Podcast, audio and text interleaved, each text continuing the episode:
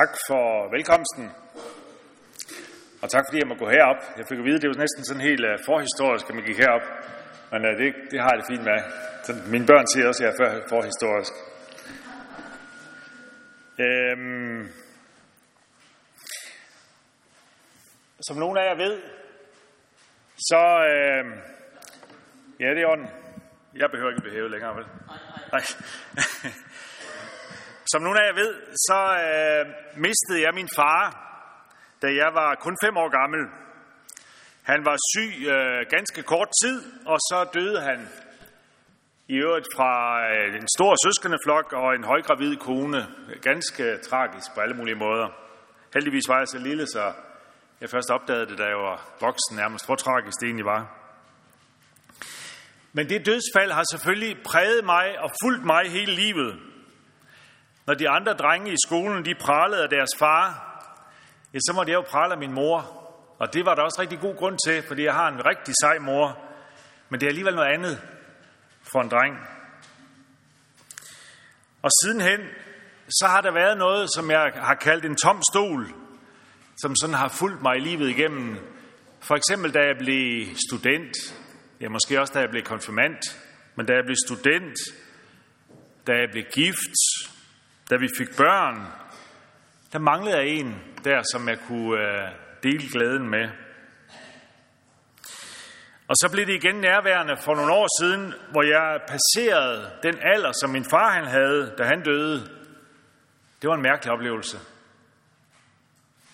Og så i sommer, der fik vi lov at fejre sølvbrøllup, min kone og jeg.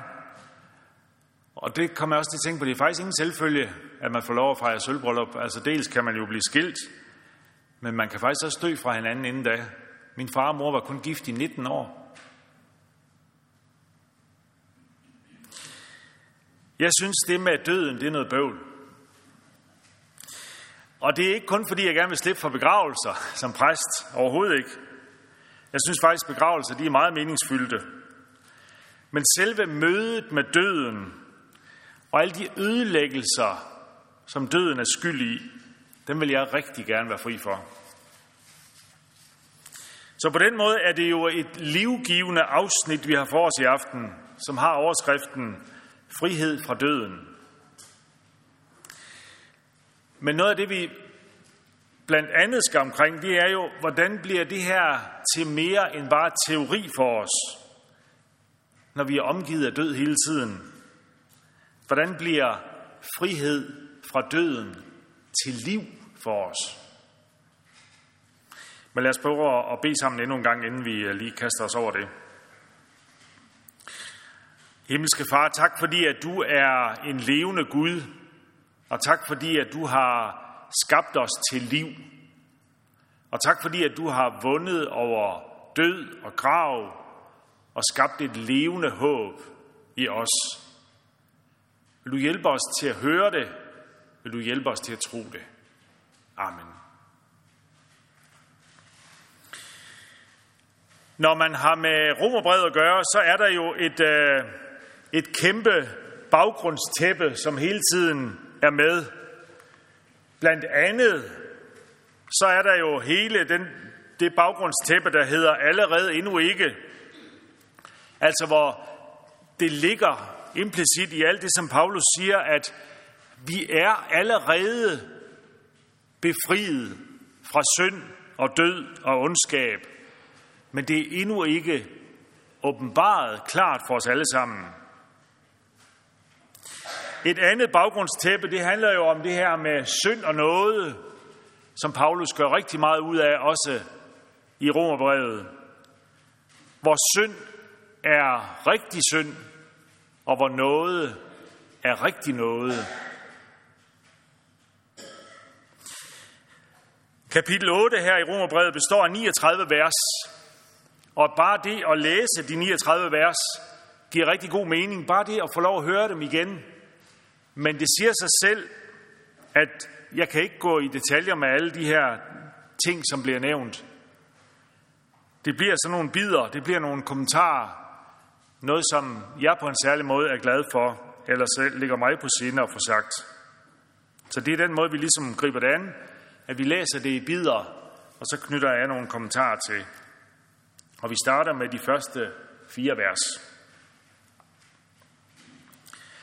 Så er der da nu ingen fordømmelse for dem, som er i Kristus Jesus. For livets ånds lov har i Kristus Jesus befriet mig fra syndens og dødens lov. Det, som loven ikke kunne, fordi den kom til kort på grund af kødet, det gjorde Gud. Han sendte sin egen søn i syndigt køds lighed, og for syndens skyld, og fordømte dermed synden i kødet, for at lovens krav skulle opfyldes i os, som ikke lever i lydighed mod kødet, men i lydighed mod ånden. Paulus han øh, gør en hel del ud af her, at jeg er ikke fordømt. Jeg er ikke fordømt, og det er på trods af, at synden virkelig i versene og kapitlerne forud er rullet ud. Synden er rullet ud i al sin gru og al sin nærgåenhed. Den er afsløret, og den hører mig til. Med det, bag, med det bagtæppe af ægte synd, ja, så er glæden over ikke at være fordømt, den er også ægte og større. Vi kan sammenligne det med at blive slæbt for en dommer.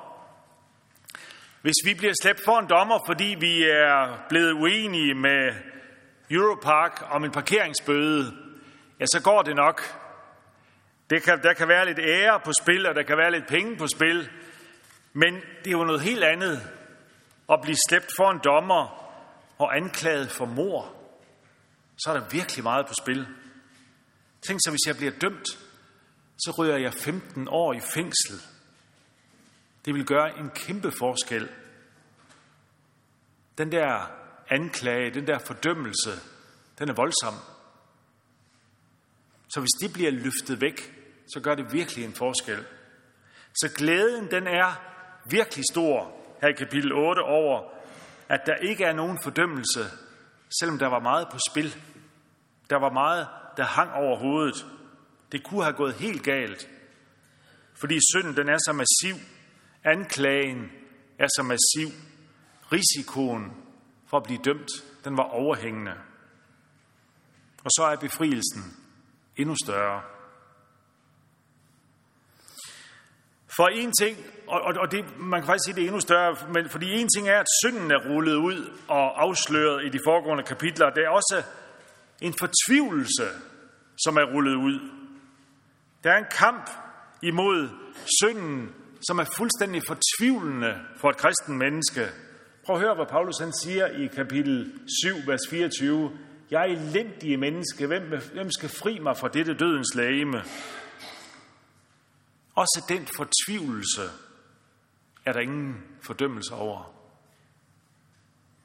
Jeg kunne ikke vinde over synden, da jeg ikke var nogen kristen.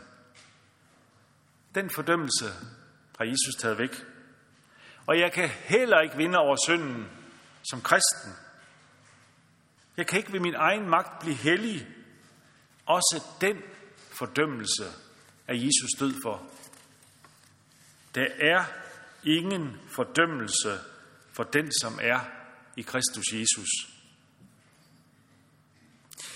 For mig så handler det om, hvor syndens anklage har sin plads. Syndens anklage, som kan ramme os alle sammen, den skal henvises til Golgata. Syndens anklage har ikke plads mellem mig og Gud. Det har Jesus sørget for.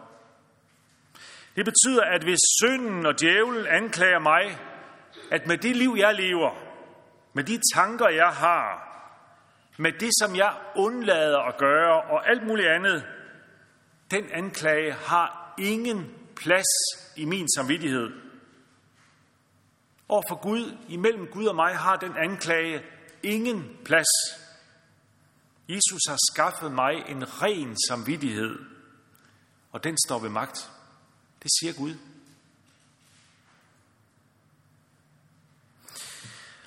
Jeg tror, jeg har erfaret, at der er rigtig meget brug for de anklagede samvittigheders evangelium.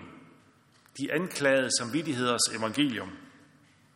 Jeg tror, og jeg har erfaret, at der rundt omkring på kirkebænke og på missionshusbænke, der sidder der folk, som kæmper med fordømmelsen over samvittigheden. Og det er en falsk fordømmelse. I dåb og tro, der har Jesus taget den fordømmelse. Tro det, og bed Gud om, at din vantro, den må tages væk. Tro det, grib det. Samvittigheden er ren, når du i dåb og tro hører Jesus til. Der er ingen fordømmelse over for Gud, og der er ikke noget men. Der er ingen fordømmelse over for Gud. Punktum. For den, som er i Kristus Jesus. Punktum. Hvad er det så, der har befriet mig? Ja, ifølge teksten her, så er det livets ånds lov. Det vil sige troen på evangeliet. Og så læg mærke til, at øh, hvad det er for et, hvad, hvad, hvad udsagnsordet her, det har befriet mig. En dansk lærer kunne nok fortælle, hvad, hvad det er for en, en, øh, en øh, bøjning, men det er i hvert fald noget, der foregår i datiden. Det kan vi i hvert fald hurtigt blive enige om.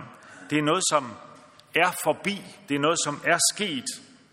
Man kunne jo godt tænke, at det var noget, der skulle være i fremtiden. At, at det skulle befri mig en dag. Nej, det er sket i fortiden. Som sagt, så kan en dansk lærer nok fortælle, hvad det er for noget, men jeg vil gerne opfinde i aften en ny tid. Den der har befriet mig fra syndens og dødens lov, den vil jeg kalde fuldbragt fortid. Og så må dansklærerne kalde det lige, hvad de vil. Jeg kalder det fuldbragt fortid. Det er noget, som er sket. Fuldbragt fortid. Det er en realitet. Det svarer lidt til den nadverbøn, vi beder ud hos os, når vi holder nadver. Hvad er det, vi siger der? Der ser vi, at vi takker, hov, vi takker Gud for, at du har friet os ud af mørkets magt og ført os over i din elskede søns rige. Det er noget, der er sket i fortiden. Vi er blevet befriet. Vi er blevet ført over i Guds rige. Det er sket i fortiden. Det er jo Gud, der gjorde det. Han gjorde det, som loven ikke kunne. Loven er aldrig god nok til at få dig til himlen, og derfor måtte Gud gøre det. Loven er heller ikke god nok til at gøre dig god som kristen. Derfor må Gud gøre det.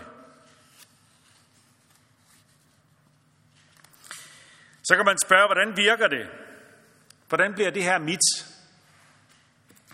Og her vil jeg bare tænke på det billede, som øh, jeg holder meget af i forhold til at være kristen. Nemlig billedet med vintræet og grenene.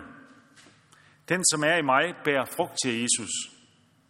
Der er en form for automatik i det. I dåb og tro, så binder vi os til Kristus, både i forhold til retfærdiggørelse og helliggørelse, i forhold til kærlighed til vores medmennesker. Det er der, det sker, når vi er hos Kristus. Det er sket, og det sker hos Gud i fuldbragt fortid. Vi læser den næste lille bid, vers 5-9. De kødelige vil det kødelige, og de åndelige vil det åndelige. Det kødet vil er død, og det ånden vil er liv og fred. For det kødet vil er fjendskab med Gud, det underordner sig ikke Guds lov, og kan det heller ikke. De, som er i kødet, kan ikke være Gud til behag. Men I er ikke i kødet, I er i ånden, så sandt som Guds ånd bor i jer. Den, der ikke har Kristi ånd, hører ikke ham til.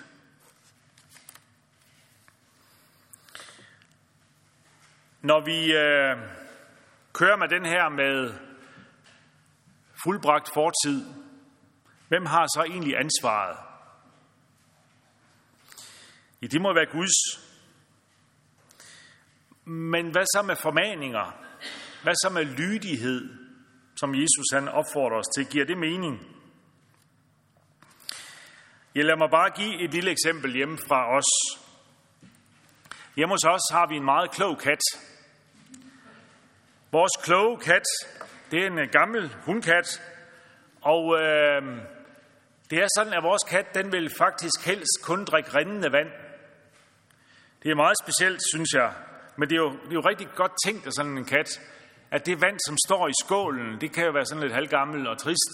Men kunne man lige liste os til at åbne for vandhanen, så den løber, så drikker den gerne af det. Og så får den våde poter, men det er lige meget.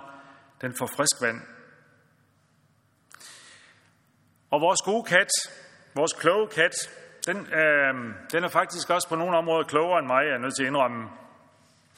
Det er sådan, at vi har en kæmpe grund hjemme hos os, og i perioder så er vi plaget af muldvarper, fordi vi bor sådan ude på landet. Og i mit lange liv, så har jeg fanget mange muldvarper, for det, det synes jeg faktisk er en ret god sport. Men øh, for et par år siden, så jagtede jeg muldvarper hjemme hos os, en bestemt del af haven, og det var fuldstændig uden held. Fælderne, de smækkede, men øh, der var ikke fangst, og jeg flyttede dem, og nej, jeg, jeg kunne ikke rigtig. Og så en morgen, så lå der ude på fliserne en muldvarp, og den var død. Og det er jo vores kloge kat, der har slået os til igen. Det var som om, den, den kredsede sådan lidt om den her muldvarp, og så ligesom om den ville sige, er det den her, du leder efter, eller hvad? Jeg vil bare lige vise dig den. Men jeg, jeg lod jo fælderne stå, fordi der kom faktisk flere skud, så enten så havde katten fanget en, eller også så, altså, så var der flere, eller også havde katten været over ved naboen og fanget en, jeg ved det ikke. Øhm, katten den kunne noget, som jeg ikke kunne, og jeg forsøgte at gå videre. Fordi jeg synes jo ikke, jeg skulle helt opgive, så jeg stillede stadigvæk fælderne. Jeg kom til at tænke på, om det her det var et billede på det der med Guds ansvar og så vores liv som kristne. Vi er enige om, at det er Gud, der gør os retfærdige. Det er Gud, der gør os hellige, når vi lever i dåb og tro. Men det fratager os ikke ansvaret for lydighed. Vi lever i tro og lydighed til Gud, som har givet os alt. Det er det, som Paulus han kalder, at kødet kan ikke opfylde Guds lov, men det kan ånden, der lever i os. Vi må give ånden plads og lade kødet dø. Det her det er en kamp. En kamp uden våbenhvile nogensinde. Vi slutter aldrig fred, men vi vinder, så sandt vi giver ånden plads, fordi Kristus han har vundet der i fuldbragt fortid.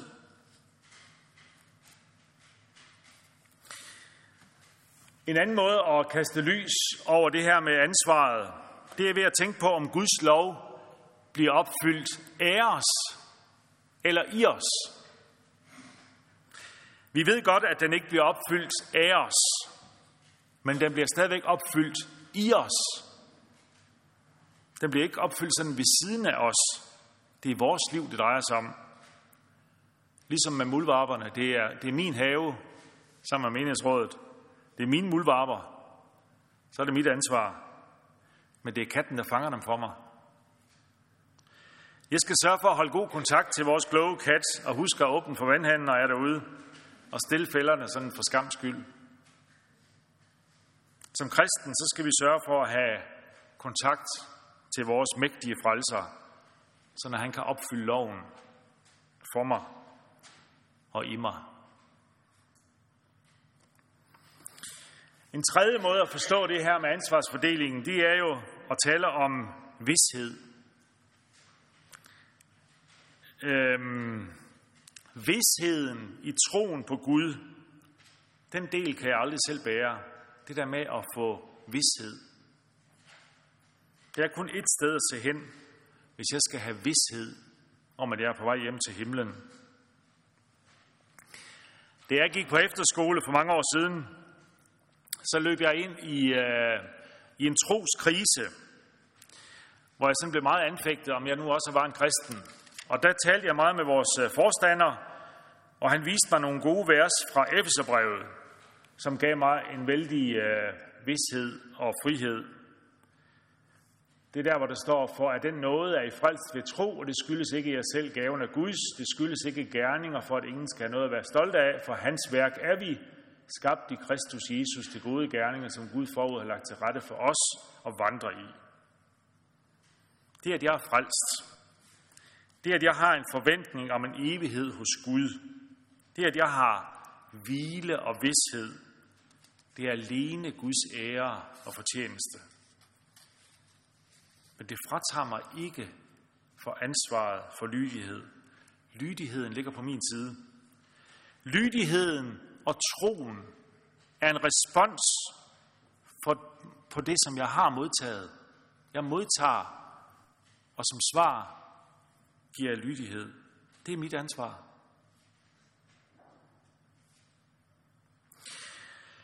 Hvad er der så tilbage? Ja, man kunne jo sige, det der er tilbage, det er følelserne. Hvad bliver der egentlig af dem? Paulus taler om, hvad det er kødet kan. Paulus taler om, hvad det er ånden kan. Og som menneske, så vil jeg jo rigtig gerne vide, hvad kan jeg, eller hvordan vil jeg gribe det som med følelserne? Oplevelsen af det, jeg har fået, alt oplevelsen af det, som jeg kan, jeg vil gerne føle det. Jeg vil gerne føle både retfærdigheden og helligheden. Det tror jeg, mennesker søger rigtig meget, måske især i vores tid. Det skal føles rigtigt, før det er rigtigt. Men vi får ikke altid følelsen i den kristne tro. Og der kan man jo tænke, er det fordi Gud er nærig, han ikke vil give os den der følelse? Nej. Jeg tror, det er fordi, at det kun er ånden, der kan fange det. Følelsen kan ikke fange det. Guds gave kan, ånden, kan følelsen ikke fange. Jeg kan godt opleve, at Gud han gør en forskel for mig. For eksempel ved nadverbordet, hvor Gud siger ja til mig. Det kan jeg smage. Eller jeg bliver glad for et ord i Bibelen. Eller jeg bliver glad for et vidnesbyrd, jeg hører. Det, det kan jeg sagtens føle en hel masse ved. Men, men det er som om, det, kan, det glider hurtigt ud af hænderne på mig igen. Jeg kan ikke fastholde den der følelse. Det magter kødet ikke. For mig handler det om den store forskel, der er imellem kristendom og religion. Religion, det tager udgangspunkt i mig. Det jeg kan, det jeg føler, det jeg erfarer. Det er der udgangspunktet er i enhver religion. Udgangspunktet i kristendommen er det, Kristus er og har gjort. Det han har gjort, det bliver i kristendom givet til mig i tro. Igen og igen. Som noget fremmed. Noget, som kan være svært at modtage, svært at fange, svært at føle, men rigtig godt at tro. Fuldbragt fortid kan modtages i tro. I den lutherske udgave af, af kristendommen, så kalder vi det her nådemiddelkristendom. Ord og sakramenter, som flyder til mig, bekræfter mig, holder mig i live i troen. Nogle gange med følelser, og nogle gange mod følelser. Men nåden og tilsavnet er der, med eller uden følelser.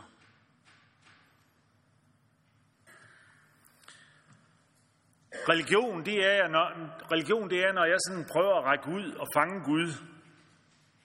Kristen tro, det er, når Gud han rækker ud og fanger mig. Ikke som en følelse, men som fuldbragt fortid. Vi læser en bid mere. 10-16. Men når Kristus er i jer, er lægemet ganske vist dødt på grund af synd, men ånden har liv på grund af retfærdighed. Og når hans ånd, han som oprejste Jesus fra de døde, bor i jer, skal han som oprejste Kristus fra de døde, også gøre jeres dødelige lægemer levende ved sin ånd, som bor i jer. Brødre, så skylder vi da ikke i kødet at leve i lydighed mod det. Hvis I lever i lydighed mod kødet, skal I dø. Men hvis I ved, men hvis I ved åndens hjælp dræber, dræber lægemets skærninger, skal I leve. for alle, som drives af Guds ånd, af Guds børn.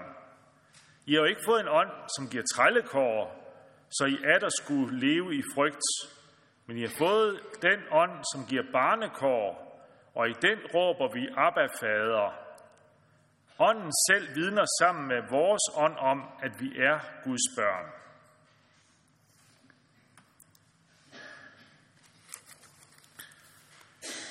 For ikke så længe siden så, så jeg en øh, udsendelse om øh, USA's historie. Og det handlede om tiden op imod 1862, hvor slaverne de blev sat fri, og hvor slaveri blev gjort ulovligt. Der blev vist nogle billeder, der blev vist nogle breve og nogle dagbogscitater fra en ung mand, som lykkeligt skrev,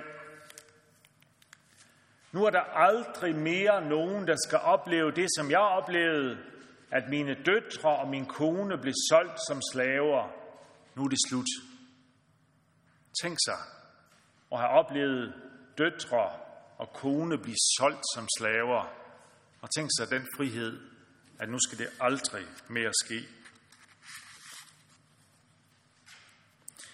I kapitel 6 og 7 der har Paulus talt meget om det her med at være slave. Han taler først om det, at vi er, hvad vi var før, slaver under synden, så blev vi frie, men så blev vi slaver igen. Men den her gang frivilligt med barnekår, slaver eller børn af Gud. Og det gør altså en kæmpe forskel, om du er slave under tvang, eller du er slave med et barns rettigheder. Når du er slave, sådan en almindelig slave, så er lydighed, det er vejen til overlevelse. Hvis du ikke er lydig, så bliver du straffet. Og hvis du gentagende gange ikke er lydig, så bliver du straffet med døden. Det er der ingen tvivl om. Når du er et barn, så er lydighed jo dybest set et udtryk for kærlighed. Det, at vi opdrager vores børn til lydighed, det er jo kærlighed fra vores side, og lydighed er et svar på den kærlighed. Det er der ikke så mange børn, der forstår. De forstår ikke, at vi tvinger dem til at være lydige, fordi vi elsker dem. Og det kan man ikke fortænke dem i ikke at forstå. Men når vi så bliver voksne, så kan vi jo være taknemmelige for, at der var faktisk nogle voksne, som tog ansvar for os og gjorde os lydige. Det giver faktisk kærlighed til vores forældre, at der var nogen, der opdrog os. Jeg tror aldrig nogensinde, at lydighed kommer til at falde os let. Sådan er vi. Og man kan vel sige, at pædagogisk, så er der rigtig mange veje til at lære os lydighed imod Gud. Jeg tænker i hvert fald, der kan være sådan tre oplagte veje til, hvordan vi lærer at være lydige over for Gud. Den ene vej, det kan være frygt. Vi frygter en hellig Gud, som har vores liv i sine hænder. Det kan være frygten for fortabelsen, frygten for at træde ved siden af, Frygten for at blive straffet af en hellig Gud, det gør et eller andet ved vores lydighed.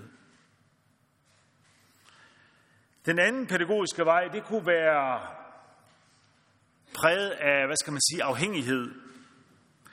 Det handler om, at når synden bliver til virkelighed for dig og mig, når det går op for os, at det der med synd, det er altså ikke kun de andres problem, det er mit problem. Synd er ikke bare de der enkelte ting, jeg gør. Synd er det, jeg er. Når det går op for os, så får vi en afhængighed. Så kan vi se, at vi har brug for en frelser. Så det, at Gud gør synden klar for os, det opfordrer, det hjælper til lydighed. Og den tredje pædagogiske måde, som jeg lige kan se, til at få lydighed, det er at få malet Kristus for øje. Bliv mindet om størrelsen af Guds kærlighed. At han offrede alt for dig og for mig. Det føder kærlighed til den frelser, at han offrede alt for mig. Gud han har alle de her pædagogiske metoder og mange flere ved hånden hele tiden. Og han ved, hvornår vi har brug for at blive mindet om hellighed, hvornår vi har brug for at blive mindet om synden, hvornår vi har brug for at blive mindet om hans store kærlighed. Og hvis vi holder os til hans nåde midler, ordet og sakramenterne, så får han også i tale. Når vi holder os til hans nåde midler, så får han os i tale og kan dosere det, vi har brug for hele tiden. Det kan føde kærlighed, det kan føde lydighed i os. Lad os læse næste bid, 17-23. Men når vi er børn, er vi også arvinger. Guds arvinger og Kristi medarvinger. Så sandt vi lider med ham, for også at herliggøres med ham. Jeg mener nemlig, at lidelserne i den tid, der nu er inde, er for intet at regne mod den herlighed, som skal åbenbares på os. For skabningen venter med længsel på, at Guds børn skal åbenbares. Skabningen blev jo underlagt tomhed, ikke fordi den selv ville, men på grund af ham, der gjorde det, og det, ham, der gjorde det, og med det håb, at også skabningen selv vil blive befriet fra trældommen under forgængeligheden og nå til frihed, som Guds børn får i herligheden. Vi ved, at hele skabningen endnu sukker og vonder sig sammen, og ikke alene det, også vi, der har ånden som første grøde, sukker selv i forventning om barnekår, vort lægemes forløsning. For nogle år siden, så havde vi øh, hjemme hos os en havemand. Og en gang, øh, hvor vi havde besøg af vores havemand, så kom vi til at snakke om de her muldvarper, som jeg bøvlede noget med. Og jeg sagde til ham, at jeg havde lidt svært ved at se Guds tanke med at skabe muldvarper. Jeg synes ikke rigtigt, det gav mening. Jeg synes, Gud må have haft en dårlig dag, den dag han lavede muldvarper, sagde jeg. Ja, sagde havemanden. Jeg tror, han lavede dem samme dag, som han lavede skvaderkål. Jeg tror, han lavede dem samme dag, som han lavede skvalderkål. Det handler om lidelse. Det handler om alt det, som er bøvlet, alt det, der gør ondt i vores liv. Og der er muldvarper og skvalderkål måske ikke det værste. Der er rigtig mange andre ting, som kan gøre rigtig, rigtig ondt. Hvad er Paulus' tanker om den lidelse, vi skal løbe igennem frem imod befrielsen? Der er i hvert fald tre svar, som Paulus han giver. Det første svar, det er, at øh, han ligesom ligger ledelsen og herligheden i to forskellige skåle over for hinanden. Og der siger han, herligheden vil altid være tungere end ledelsen.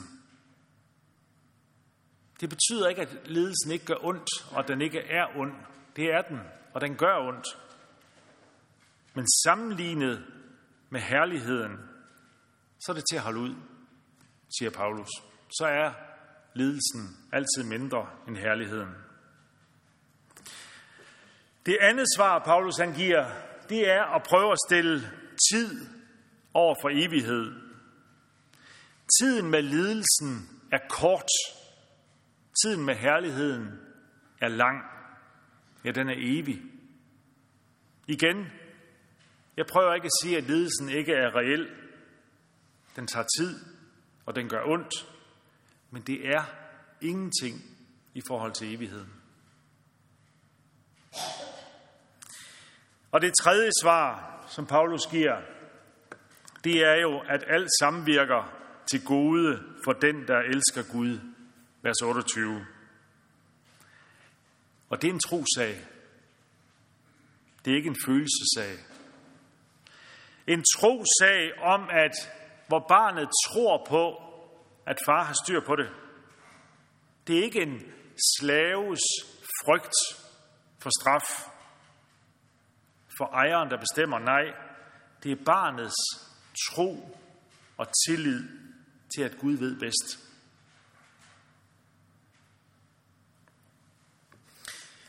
De her tre ting, det er ikke alt, der kan siges om lidelsen. Og jeg har det nok også sådan, at de her tre ting, de er mest til indvortes brug. Jeg tror ikke, vi skal gå rundt og banke hinanden oven i hovedet og sige, ej ja, du har det godt nok slemt, men uh, tænk på evigheden. Nej, jeg tror, vi skal vende det indad og uh, bære det med os. Minder, minder os selv om det, mere end vi minder hinanden om det. Vi kan sagtens trøste hinanden med det også, men vi skal ikke banke hinanden oven i hovedet med det og sige, det er sådan her, du bør have det. Nej, det er sådan her, Paulus lægger det frem. Måske giver det mening, også for dig. Ude på en gravsten ude i Vindum, der står der ved en, øh, en ung mand, som er død, der står der, Herren gav, Herren tog, Herrens navn være lovet. Det, det, det har jeg det svært med. Altså, jeg, jeg tror, at hvis jeg mistede et barn, så ville jeg have virkelig, virkelig svært ved at skrive det. Så jeg håber ikke, at, det, at den familie er ligesom er blevet pålagt, at det bør man skrive. Fordi det, men hvis det er et vidnesbyrd, som kommer indenfra, så er det helt fint for mig. Men det er virkelig barsk.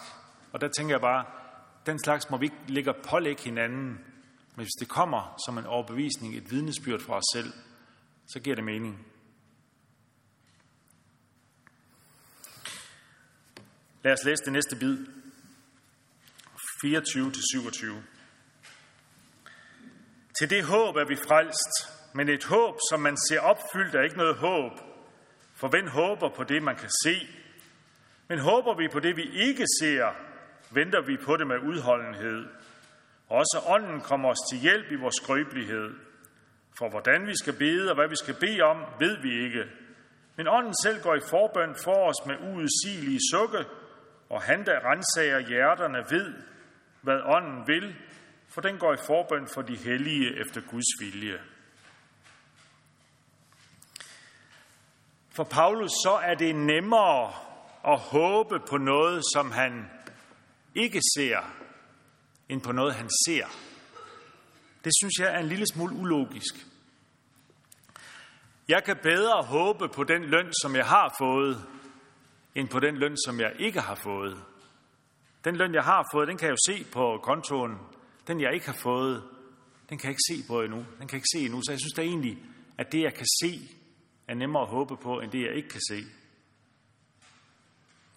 Men jeg tror, noget af pointen hos Paulus, det er, at vores håb i forhold til Gud, når vi håber i forhold til Gud, så skyder vi altid for lavt. Vi håber altid mindre end det, som er det rigtige håb hos Gud. Vi kan slet ikke rumme så meget vores håb hos Gud er. Og derfor håber vi på det, vi ikke ser. Det er bedre end at håbe på det, vi ser. Vi ser så lidt, men håber så meget. Mange af Jesu lignelser, de har lidt det samme over sig at der er noget med Guds rige, som skal puttes under den der overskrift, der hedder mere end. Guds rige er altid mere end vores tanker og følelser og forestillinger. Tænk på sennepsfrøet, som er det der lille bitte. Det bliver til mere end. Eller tænk på den der smule surdej, som gør det til meget mere end. Evangeliet det er mere, end vi kan forestille os. Det levende håb er større, end vi kan forestille os.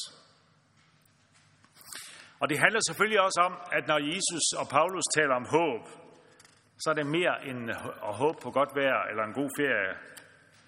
Det kristne håb, det er grundlagt på noget Gud har sagt.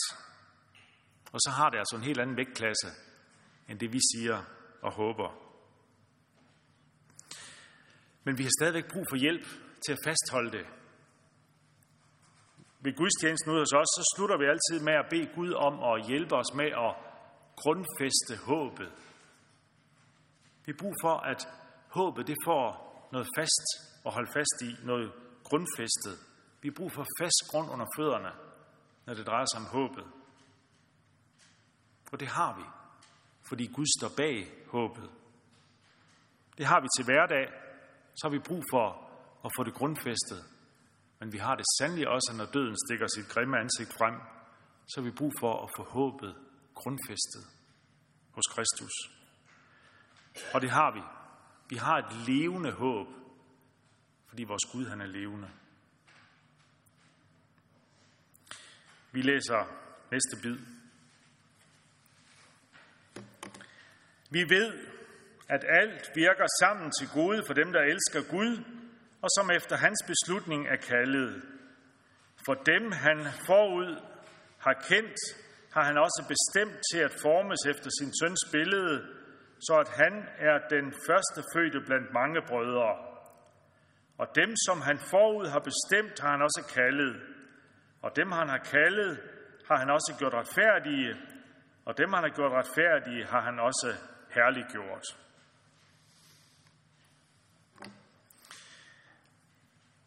Der åbner sig et helt nyt øh, stort emne, som vi heller ikke øh, kommer helt ind på, nemlig det her med forudbestemmelse. Det spøger lidt, at Paulus siger, at der er nogen, der er forudbestemt. Og det, som Paulus et eller andet sted får sagt, det er, at hvis vi frelses, så er det Guds skyld, og frelses vi ikke, så er det vores egen skyld. Og det er en logik, som er svær at, øh, at helt at fange. Man kan jo sige, at hvis jeg har 10 perler, og jeg vælger, at fire af dem de skal knuses med en hammer, så er det jo mig, der bestemmer, hvilke fire, der skal knuses, og hvem der ikke skal knuses. Men det er som om, at logikken hos Gud er anderledes. Logikken hos Gud er, at alle er udvalgt til frelse. Men det er ikke alle, der tager imod det. Jeg tænker, det handler igen om det her med barn eller slave. Gud tvinger ingen blindt og hjerteløst. Gud har fuldbragt fortid, har gjort det. Gud kalder. Gud har hjerte i barmen. Han kalder barmhjertigt. Gud kalder af alle, men han tvinger ingen. Forudbestemmelse, det kan være rigtig tungt for nogen. Det er nogen, der slås med det. Men vi skal huske i den her sammenhæng, at vi finder ingen steder i Bibelen, hvor der er nogen, der er forudbestemt til fortabelse. Derimod så er der udsagn, der siger, at vi alle sammen er udvalgt til frelse.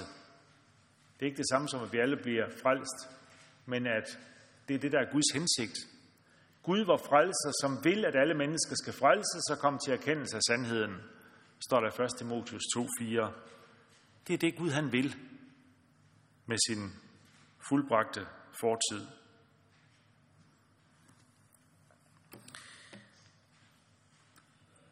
Gud han vil din og min frelse, og det er det, vi bygger håb på. Lad os så læse det sidste. Øhm, hvad er det der med at sige? Er Gud for os? Hvem kan der være imod os? Han, som ikke sparede sin egen søn, men gav ham hen for os alle, vil han ikke med ham skænke os alt? Hvem vil anklage Guds udvalgte? Gud gør retfærdig. Hvem vil fordømme? Kristus Jesus er død. Ja, endnu mere, han er opstået og sidder ved Guds højre hånd og går i forband for os. Hvem kan skille os fra Kristi kærlighed? Nød eller angst, forfølgelse, sult eller nøgenhed, far eller svær – som der står skrevet, på grund af dig dræbes vi dagen lang, vi regnes for slagte for. Men i alt dette mere end sejrer vi ved ham, som har elsket os. For jeg er vidst på, at hverken død eller liv, eller engle eller magt, eller noget nuværende, eller noget kommende, eller kræfter, eller noget i det høje, eller i det dybe, eller nogen anden skabning kan skille os fra Guds kærlighed i Kristus Jesus, vor Herre. Så opsummerer Paulus. Og det gør han ved at tale om, at det er realiteter, det han taler om. Det kan så let for mig og for nogle af jer sikkert også blive sådan kold teori og dogmatik. Det er det ikke. Det er liv. Det er lære i forening. Liv og lære i forening. Liv og lære, som aner syndens dybder i mit liv.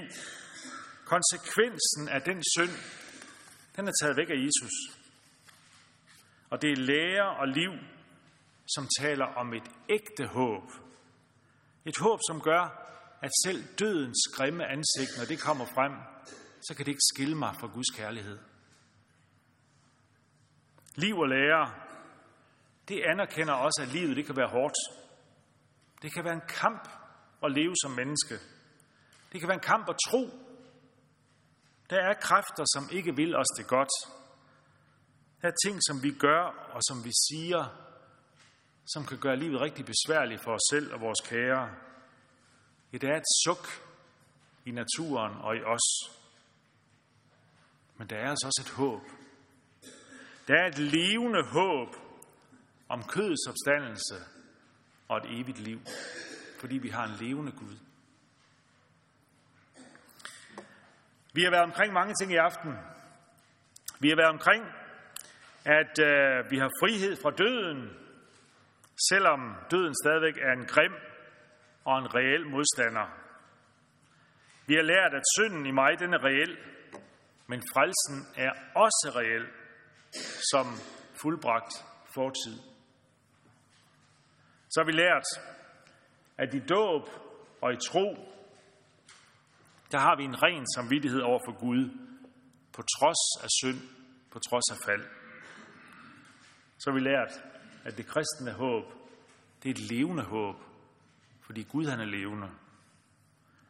Så har vi lært, at Gud han vil din og min frelse. Amen. Lad os bede sammen. Himmelske Far, tak fordi, at du vil vores frelse. Og tak fordi, at du skaber et levende håb i os. Vil du grundfæste det, og vil du holde os fast hos dig, at vi i forhold til en ren samvittighed, så står vi rene og retfærdige over for dig, himlen værdige.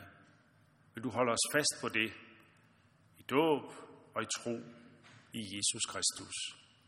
Amen.